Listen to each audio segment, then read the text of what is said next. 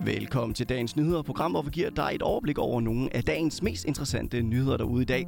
Din hverdag i dag mig, Kasper Markvartsen. Og mig, Freja Pashburg. Godmorgen, Kasper. Godmorgen, Freja. Vil du ikke lige starte med at præsentere programmet for i dag? Jo, det vil jeg. Først skal vi snakke om, at corona ikke er en samfundskritisk sygdom længere.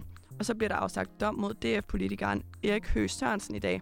Og til sidst skal vi se på, hvem Christian Hegårds nye aflyser i Folketinget er. Jamen, jeg synes da bare, vi skal gå i gang. Yes, Freja, så kom den store dag i dag, hvor coronapasset ikke længere skal flashes, når vi træder ind over tærsklen til natklubbernes meget fedtede gulve. Fordi nu ophører kategoriseringen af covid-19 nemlig som en samfundskritisk sygdom.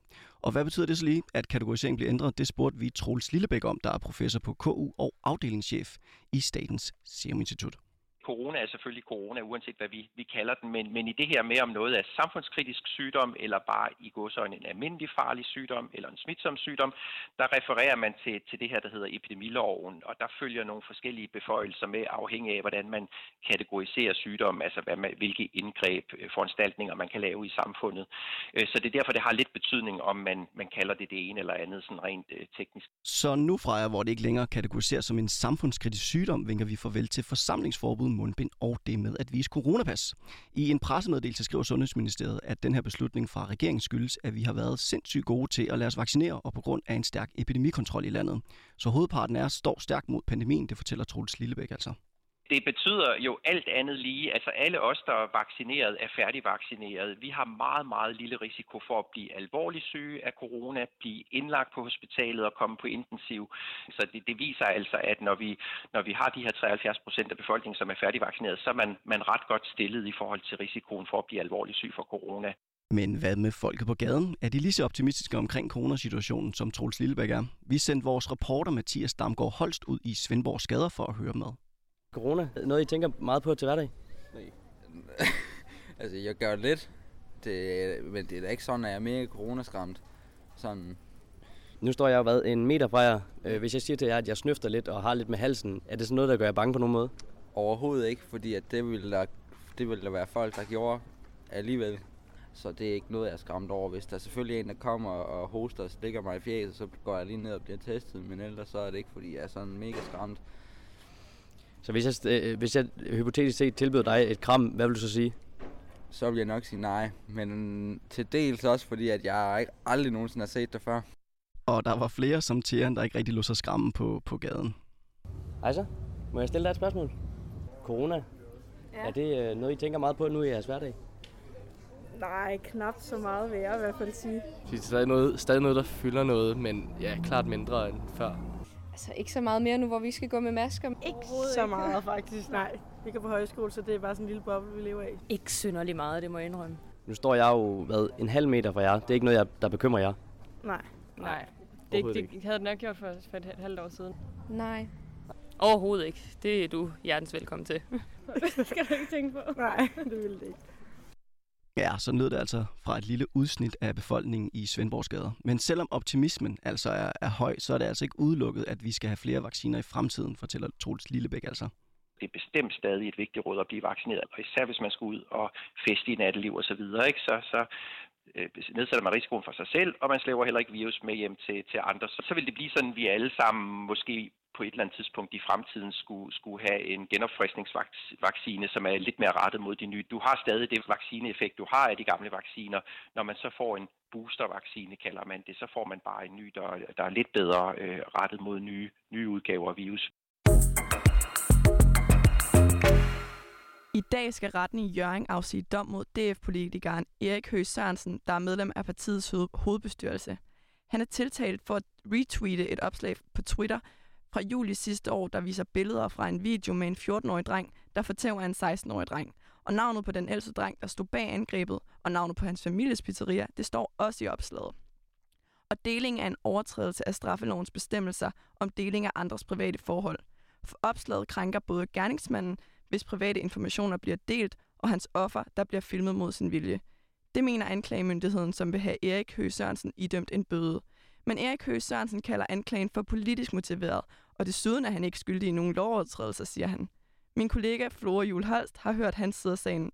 Hvorfor har du delt det her opslag? Det har jeg, fordi jeg fandt det interessant i den politiske debat, og især fordi, at islamisk dominansvold er et udbredt fænomen i Sverige. Jeg ønsker ikke det fænomen udbredt til Danmark. Du har tidligere kaldt anklagen mod dig for politisk motiveret. Hvad mener du med det? Jamen, det mener jeg er af flere forskellige grunde, men den helt centrale er, at man decideret har udvalgt sig mig som Dansk Folkeparti-politiker, som en man ville retsforfølge, mens 100 eller 1000 andre er gået fri af retsforfølgelse. Blandt andre den, øh, som er tweetet oprindelige ophavsmand. Men nu kan man jo sige, at du står jo en lidt anden position, end han gør, fordi du er politiker. Har du ikke som politiker en forpligtelse til at overholde loven? Øh, jo, jeg vil næsten sige, at det er næsten mere end noget andet forpligter mig næsten til at, at offentliggøre tweetet eller retweetet. Fordi her er tale om en meget opsigtsvækkende forbrydelse, som vi absolut ikke skal se mere til i Danmark. Mm. Du nægter dig skyldig i den her sag. Hvorfor mener du ikke, at du er skyldig? Det jeg har gjort svarer egentlig bare til, at man tager sin almindelige gode gammeldags papiravis og klipper en artikel ud og giver den til sin nabo. Det kan jo umuligt være ulovligt.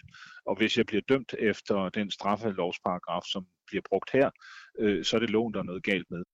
Erik Høgh Sørensen henviser til paragraf 264d, hvor der står, at den, der videregiver billeder eller meddelelser vedrørende en andens private forhold, som ikke er i offentlighedens interesse, kan blive idømt en bøde eller en fængselsstraf. Men Erik Høgh Sørensen mener netop, at det her er i offentlighedens interesse, og han synes ikke, at han er gået for langt med deling af opslaget. Jeg mener, det her er fint og inden for min hvad skal man sige, individuelle ytringsfrihed, som jeg har krav på i henhold til grundloven.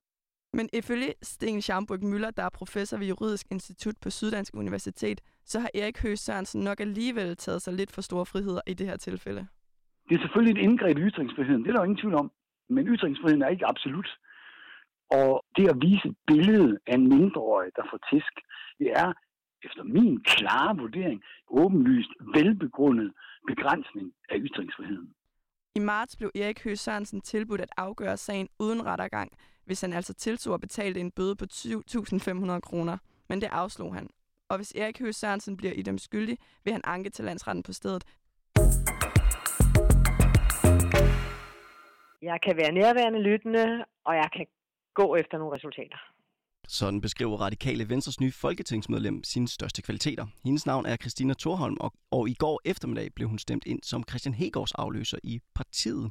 Hun udfylder nu rollen som kommunalordfører, socialordfører og ældre- og familieordfører, ordfører for paragraf 71 udvalget. En rolle, der passer hende rigtig godt, fortæller hun. Jeg har super meget erfaring fra kommunalpolitik. Jeg er uddannet pædagog. Jeg har arbejdet på socialområdet i 15 år, så jeg kender grundlæggende til, hvordan praksis er, og den viden, både fra det politiske og fra praksis, kan jeg tage med ind i forhold til ting, der har brug for at få et kærligt blik. Torholm har siddet i Hillerød Byråd i 12 år, hvor hun blandt andet var formand for Omsorg og Livskraftudvalget. Og her har flere af hendes kolleger rosnord at sende med hende på vejen. Hun er en uh, fantastisk politiker. Man kunne ønske, at der var nogle flere af hendes type i de tre et halvt år, jeg har arbejdet sammen med hende, der har vi ikke haft et eneste bravureslag, kan man godt kalde det, i, i udvalget. Vi har kunnet snakke os til ret om tingene. Der har hun været god, så hende har jeg været ekstremt glad for at arbejde sammen med. Ja, det siger Socialdemokraten Ingo Vid, der sad i Omsorg- og Livkraftudvalget sammen med hende. Han er også overbevist om, at hendes måde at føre politik på vil klæde Folketinget. Jo selvfølgelig en svær gruppe, hun træder ind i. Der har været meget ballade de sidste par år i den gruppe men øh, jeg tror, hun vil gøre det rigtig godt. Christina Thorholms egne politiske overbevisninger læner sig meget op af den linje, partiet fører på Christiansborg, fortæller hun, men særligt en udfordring fremhæver hun som et område, hun gerne vil arbejde på at, øh, at forbedre. Der er for mange unge, der ikke er i beskæftigelse, fordi de har en diagnose, for eksempel er der mange flere, der har autisme og angst. Og det, at de ikke får den nødvendige hjælp for at komme ud og få uddannelse og beskæftigelse, det piner mig virkelig meget. Ja, nu må tiden vise, om hun kan leve op til den politiske ros, hun har med sig i bagagen. Og så skal vi lige runde af dagens avisforsider, Kasper, og vi starter med Berlingske. Hvis du ringer 112, så kan du ikke være sikker på, at dit opkald bliver stillet videre til regionens vagtcentral med det samme. Berlingske har indsamlet informationer hos Alarmcentralen, og tal for 29 døgn de seneste tre måneder viser, at der var mindst 2.482 mistede opkald. Mistet opkald betyder, at man ikke går igennem til en sundhedsfaglig medarbejder inden for 22 sekunder, og de mange mistede opkald skyldes, at der ikke er nok medarbejdere til at tage telefonen. Og hvis vi kigger på Jyllandspostens forside, så skriver de, at næsten 4.000 engelsksprogede studiepladser på 87 forskellige uddannelser forsvinder fra næste år. Især på erhvervsakademier og professionshøjskoler er det særligt slemt. Lukningen af de 87 uddannelser sker med baggrund i en bred politisk aftale, der skal sænke SU-udgifterne til de udenlandske studerende til 449 millioner kroner. Og underdirektøren i Dansk Industri mener, at det er en kortsigtet løsning, der kan betyde, at virksomheder i fremtiden kan gå glip af arbejdskraft. Og det var alt for dagens nyheder i dag. Det var tilrettelagt af Flora Jul Holst og Mathias Damgaard Holst. Og din værter var mig selv, Freja Pashburg. Og mig, Kasper Markvartsen. Tusind tak, fordi I gad at lytte med.